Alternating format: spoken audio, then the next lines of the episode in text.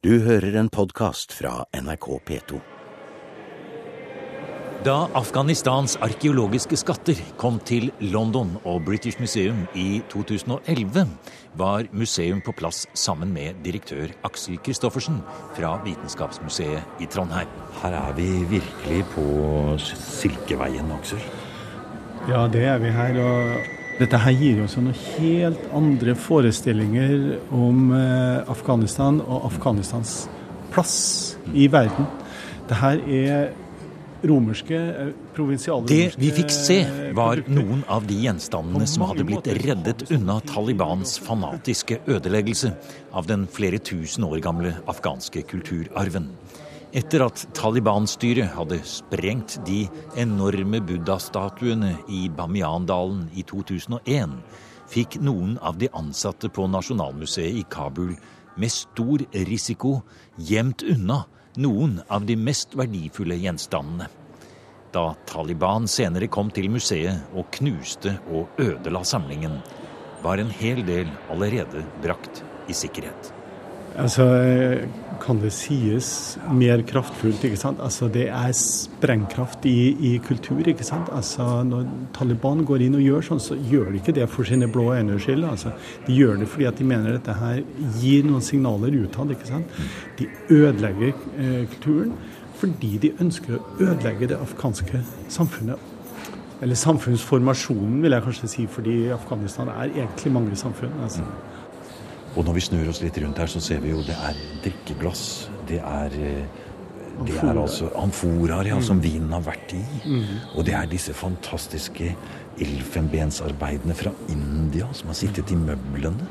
Og som da har eh, kommet importert opp fra Romerriket. Og den andre veien så gikk det kopper, sølv, gull. Lapis, lapis lazuli. Ja. Altså eh, verdiprodukter som eh, var høyt verdsatt i, i Romerike, eh, i Europa.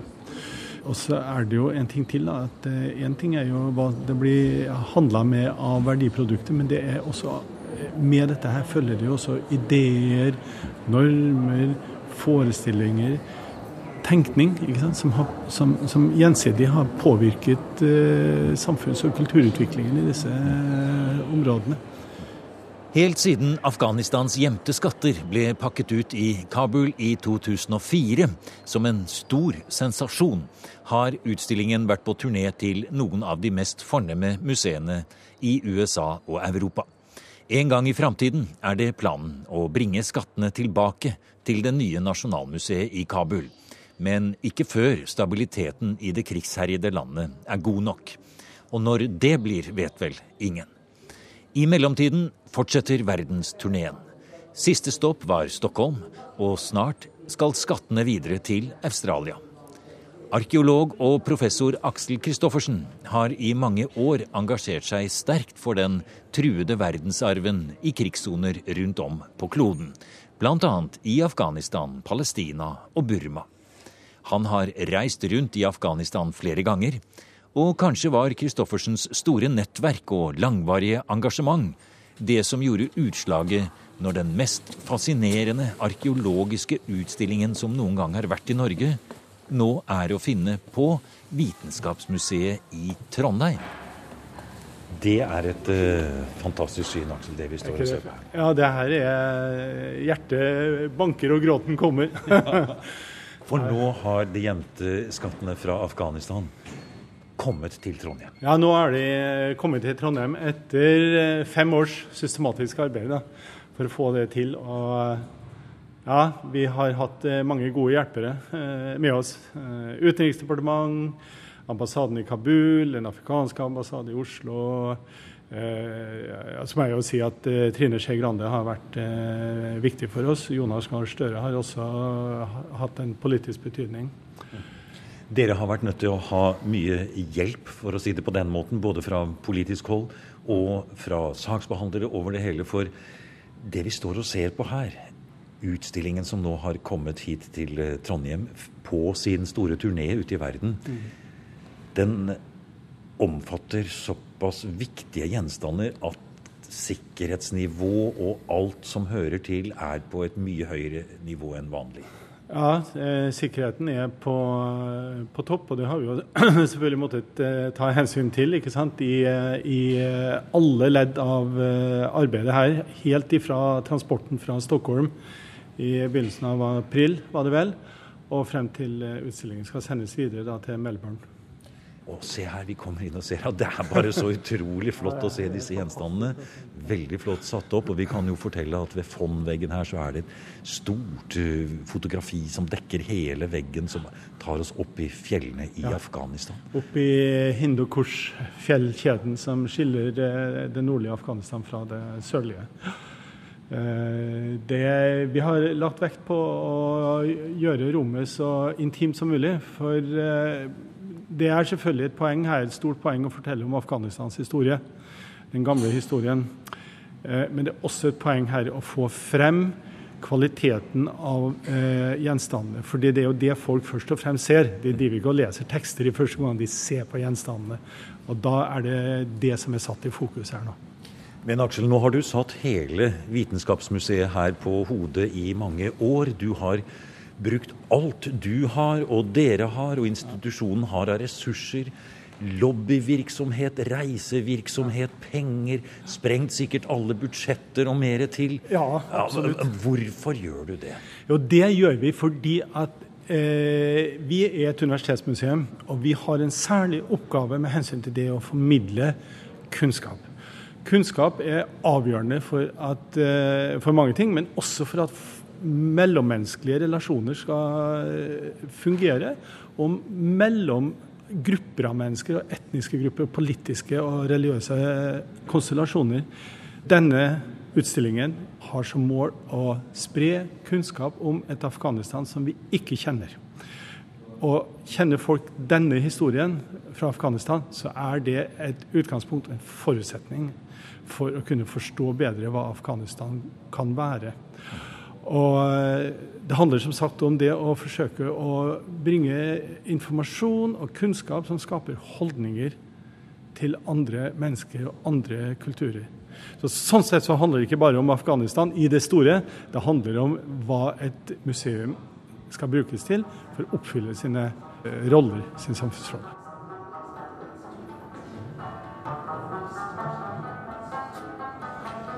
Når jeg går rundt her inne og ser litt Nå står vi forresten ved siden av det romerske glasset, og det er nesten så vi greier nesten ikke å snakke når vi ser disse fantastiske gjenstandene. Altså, det er bare Det tar pusten eh, fra oss nesten. Men allikevel, når, når, jeg ser alle disse fantastiske skattene, så, så, så er det på en måte verdenskart og verdenshistorien og litt også Norges plass i det jeg blir så slått av. For Afghanistan er jo ikke lenger et bortgjemt, rart land oppi noen fjell hvor det er helt gale å krige mot hverandre hele tiden. Det er plutselig en fantastisk kulturnasjon som stiger frem for oss her. Akkurat. Det er litt av poenget. Altså Når du står her, så står du i et, eh, et eh, annet eh, land altså, som er helt annerledes enn det vi, vi forestiller oss. Og, altså, jeg er blitt uh, mer og mer sånn, på en måte opptatt av at uh, For jeg er blitt tatt av den stemningen. Altså, at her er du i her er du på en måte i, i verdenshistorien. Og her er også Europa til stede. Fordi altså, de gjenstandene som vi har i denne delen, altså, som kommer fra Begram, eh, det er eh, gjenstander som kommer fra Romerike, og fra flere steder i Romerike. Kommer fra Egypt og Italia osv. Og, eh, og så finner du dem i Afghanistan. Og sammen med disse gjenstandene fra Romerike, så finner du gjenstander fra Kina, fra India, f.eks og andre steder også. Og Vi ser jo hvordan da de forskjellige bølgeslagene i historien har skyllet innover Afghanistan og satt tilbake sporene sine. Og når du nevnte Nå står vi her med funn fra Bagram. I dag så forbinder vi det altså med en Air Force base. Altså Det er en flyplass, og det er en krig. Men kommer man hit til Vitenskapsmuseet i Trondheim, så får man altså et litt annet eh, innhold i det ordet. Ja, det, det gjør man. Eh, eh, Bagram er Og det heter Kapisa, forresten. Det var en, en, en av de store byene i dette Kushan-kongedømmet, som utbredte seg over det meste av Nord-Afghanistan. Men altså det er dette her med den tanken på altså Vi snakker så mye om at vi er globale i dag. Ja, selvfølgelig er vi det. Men altså det begrepet har vi ikke funnet på. Altså. Det er også en realitet om du går 2000 år tilbake i tiden. For i, de, i de her 12-15 kvadratmeterne her, så er det altså samla en hel verden hvor Europa, Kina, Sentral-Asia eh, er representert for 2000 år siden. Disse gjenstandene er fra første århundre etter krisen. Kristus. Det handler om relasjoner, det handler om kontakter, det handler om transport. Det handler om ting som vi eh, også gjør i dag. Vi gjør det på en litt annen måte, det går litt hurtigere. Men eh, vi må ikke ha den forestillingen om at eh, man i oldtiden var eh, på en måte isolerte i hver sin region. Det var de ikke. Og for å ta oss med ut på dypet i Afghanistans røtter i den globale verdenshistorien, og virkelig vise hvor langt tilbake historien går i dette fjellandet mellom øst og vest, ber vi religionshistoriker Jens Erland Brårvik fra Institutt for kulturstudier ved Universitetet i Oslo å forklare hvordan den blå stenen, lapis lazuli, tar oss helt tilbake til sumerernes beskrivelse av det vi i dag kaller Afghanistan. Det sumererne kaller da dette området det meluha. Og meluha står det i de sumeriske skrifter. Det er særlige guddommer som hersker over det, står det. Men derfra får man den flotte sten. Og meluha er antagelig det samme ord som mlecha. Og det ordet har man i dag som de folkegrupper i India som var før indoeuropeiske folkegrupper. Så eh, dette er antagelig Her har man enda en, et spor som leder oss til at dette var en viktig stat. Og vi vet jo at i den såkalte induskulturen, som var eh, langs Indus, ja, men antagelig også opp i Afghan dagens Afghanistan, var en høytstående kultur som også ble erobret av indoeuropeere på, på 1000-tallet. 1500 før Kristus, kanskje noe sånt. Og Det var en sånn høytstående bykultur med bad og vanningsanlegg, og også en skrift som man ikke har klart å tyde. Her står vi nå, Brorvik, og ser på køen inn til de glemte skattene her på Vitenskapsmuseet i Trondheim. Og for et syn det er å se. Det er lang kø til langt ned i trappa her. Plutselig er denne kulturen, denne spennende området på, i verdenshistorien, det trekker til seg oppmerksomhet. Ja, det varmer mitt hjerte som historiker, kan du forstå. Og, og det viser jo hvor viktig historien er for oss. Og hvor viktig den globale historien er for oss. Og det at vi kan speile oss i historien, forstå vår, vårt samfunn og oss selv gjennom historien, det er helt grunnleggende. Og det håper jeg at universitetene ikke glemmer. Ja. Her, ja. akkurat her nå ser det jo i hvert fall ut som det fungerer veldig bra. Jeg vil også gjerne si en liten ting til om det der. Fordi eh, Afghanistans historie nettopp i global sammenheng er så viktig. Fordi gjennom dette området så har det flytt så mange kulturstrømmer gjennom tiden, og så mange religioner, at det å kjenne Afghanistans historie, ja, det er å kjenne vesentlige deler av den globale historien. Og Derfor er det spesielt gledelig at det er så mange her i dag. Det er utrolig spennende her nå å se den lange køen. Vi har fått lov til å gå forbi her. Skal vi se. Unnskyld. Men hva med Bamiyan-dalen oppe i 2500 meters høyde nordvest for Kabul? Hvorfor sto buddha-statuene der? Hva slags sted var det? Det var ikke bare en handelsvei, sier religionshistoriker Jens Erland Brårvik. Det var også en korridor for tanker, ideer og kulturimpulser. Og da den kinesiske eh, lærde og misjonær, for så vidt, eh, og buddhist, eh, reiste til India for å hente indiske tekster. Da reiste han gjennom Bamiyan, og han skrev en flott reisebeskrivelse, 'Reisen mot vest', Xuanzang, som han heter. Og han beskriver da disse store buddhaene i Bamiyan. Ja, ja, Når er vi nå på i tid? Vi er um, på, på 700-tallet. I slutten av 600-tallet, rundt 700, eh, er vi på reise med Xuanzang til, gjennom Bamiyan, eh, hvor han beskriver dette. Og da var det jo eh, store inne i buddhistiske institusjoner med masse munker, som han beskriver. Men etter dette så ser det ut som at buddhismen den gradvis forsvinner. Og så, opp oppimot tusentallet, da, så blir eh, Afghanistan eh, preget av islam, først og fremst. Og den buddhistiske kulturen dør ut. Men her ser vi da hvordan de store verdensreligionene setter hverandre i stevne i Afghanistan og i Bamiyan. Eh, og det er nok eh, tror jeg det har vært flere forsøk på å rive ned disse buddhaene. Så det er jo først Taliban som har lykkes med dette, og man kan si det var jo alle rystet over hele verden. Men ofte så er det jo et um, Man spør seg jo da, hvis man ikke kjenner Afghanistans historie, hva har disse buddhaene å gjøre midt i Afghanistan? Og tenk, det gir jo da altså historien svar på. Her kommer vi inn i et rom som er eh, fullt av de afghanske skattene. Og vi blir slått av variasjonen mellom de forskjellige kulturene. Og det som er så spennende å se, det er at tidsspennet her, det er jo 2000 år i de gjenstandene vi ser. Og det er nettopp dette tidsspennet Og hvis vi, regner, ja. hvis vi regner med den blå stenen, så er det jo 4000 år. Ja, ja. Men eh, vi kommer inn her, ja, og det er jo noe, som vi ser her begge to, det er noe umiskjennelig gresk over dette her. Og det er jo veldig interessant, kan man si, at Afghanistan hadde alle, alle disse greske kunstgjenstandene. Og det er jo fordi Alexander den store eh, han overtok jo Perserriket sånn rundt 330 før Kristus. Og han, eh, han medførte jo da gresk kultur som blandet seg med den indiske kulturen som kom fra den andre siden.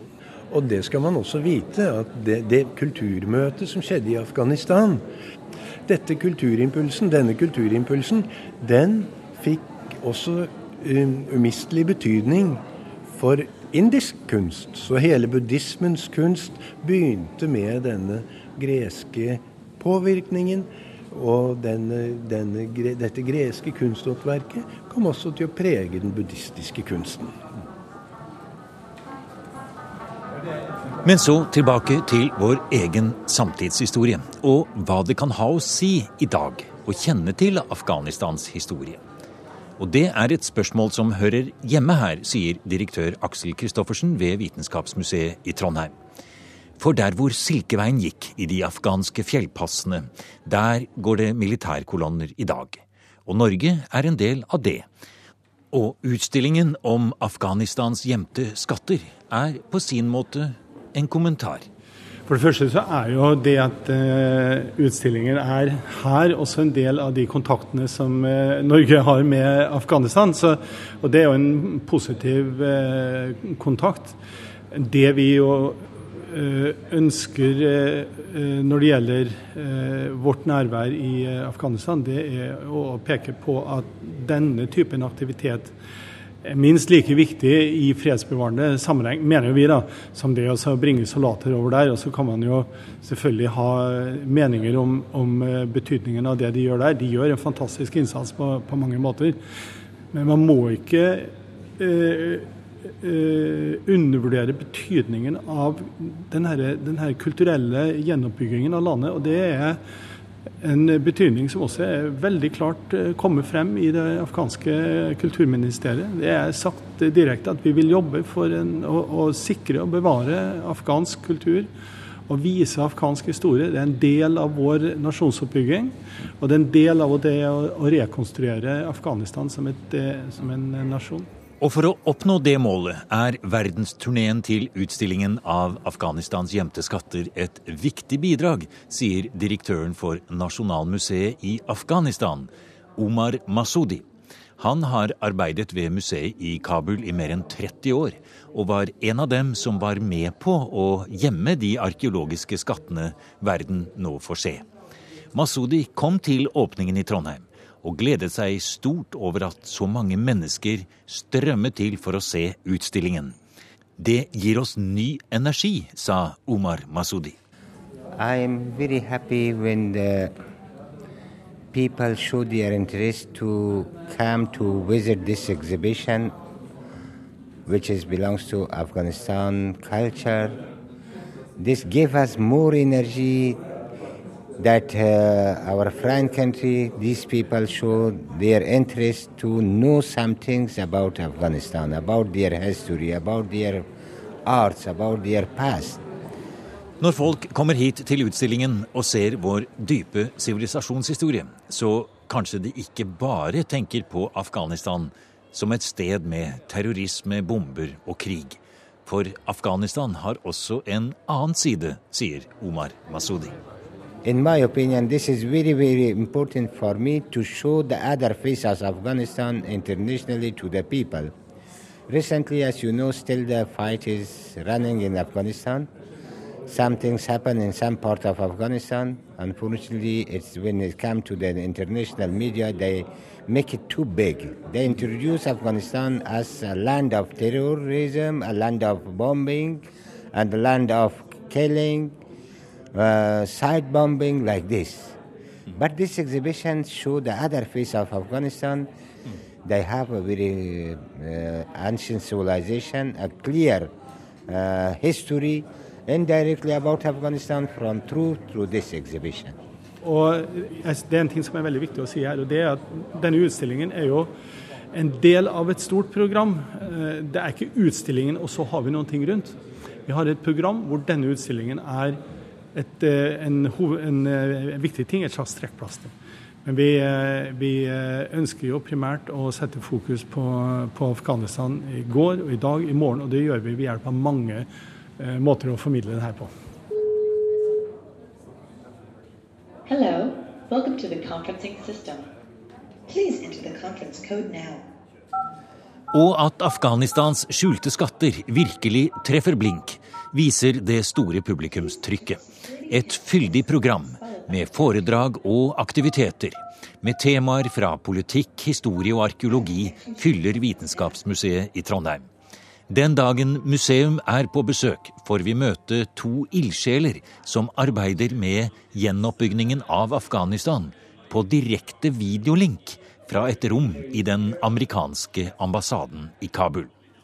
Mrs. Nancy Hatch Dupree, can you hear us now? Yeah. Yes, I can hear you. Could you please tell us a little bit of your history? You came to Afghanistan 50 years ago. Isn't that right? Well, almost. Not, not quite 50, but yeah, a long time ago. What has changed in Afghanistan? Yes. Well, you don't have time for all that. Um,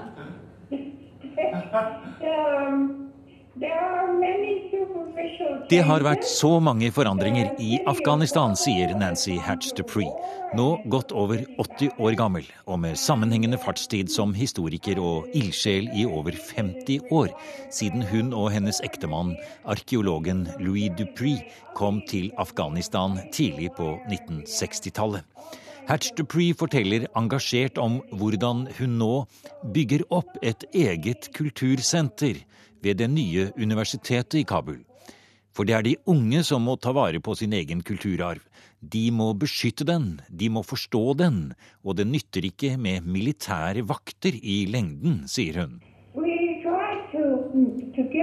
knowledge, not just information, but a deep and important knowledge about what the sites are, and they will protect it and they will sustain it. And there is no sense, no reality in saying, oh, well, you, you put armed guards on all the sites. There are too many. Med på den direkte videosamtalen fra Kabul til Vitenskapsmuseet i Trondheim er også en representant for verdens største humanitære stiftelse, Aga Khan Trust for Culture, som arbeider over hele verden med et islamsk verdigrunnlag og som har bygget opp flere av de ødelagte kulturminnene i Afghanistan. Og vi er optimister for fremtiden. Ellers hadde vi ikke vært her, sier Ashmal Maivindi. I couldn't do the work that I do if I didn't have optimism. It would be very difficult to day in and day out deal with the complexity of issues that we deal with if we didn't have optimism that what we do can make a difference, that what we do can achieve some form of sustainability and a brighter future. That's, of course, that's our objective and our aim. Vi som sitter i Norge og kanskje innerst inne ikke har så lett for å tro på en lys framtid for Afghanistan, vi må spørre igjen. Nancy Hatch Dupree, amerikansk statsborger, pensjonist og vel så det, skal ikke reise noe sted. Hun vil bli midt i heksegryta. Hun tror på de unge på universitetet i Kabul.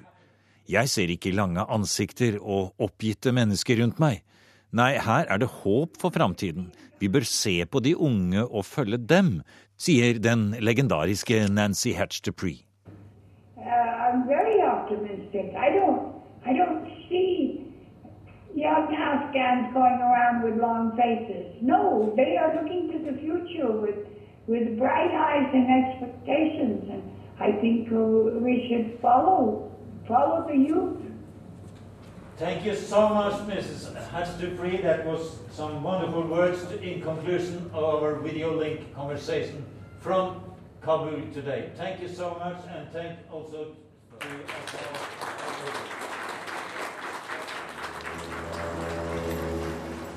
Du har nå hørt programmet Museum som podkast fra NRK. Museum sendes i NRK P2 på lørdager klokken 16 og søndag morgen klokken 8. E-postadressen er museum.krøllalfa.nrk.no. Og nå har museum også en side på Facebook.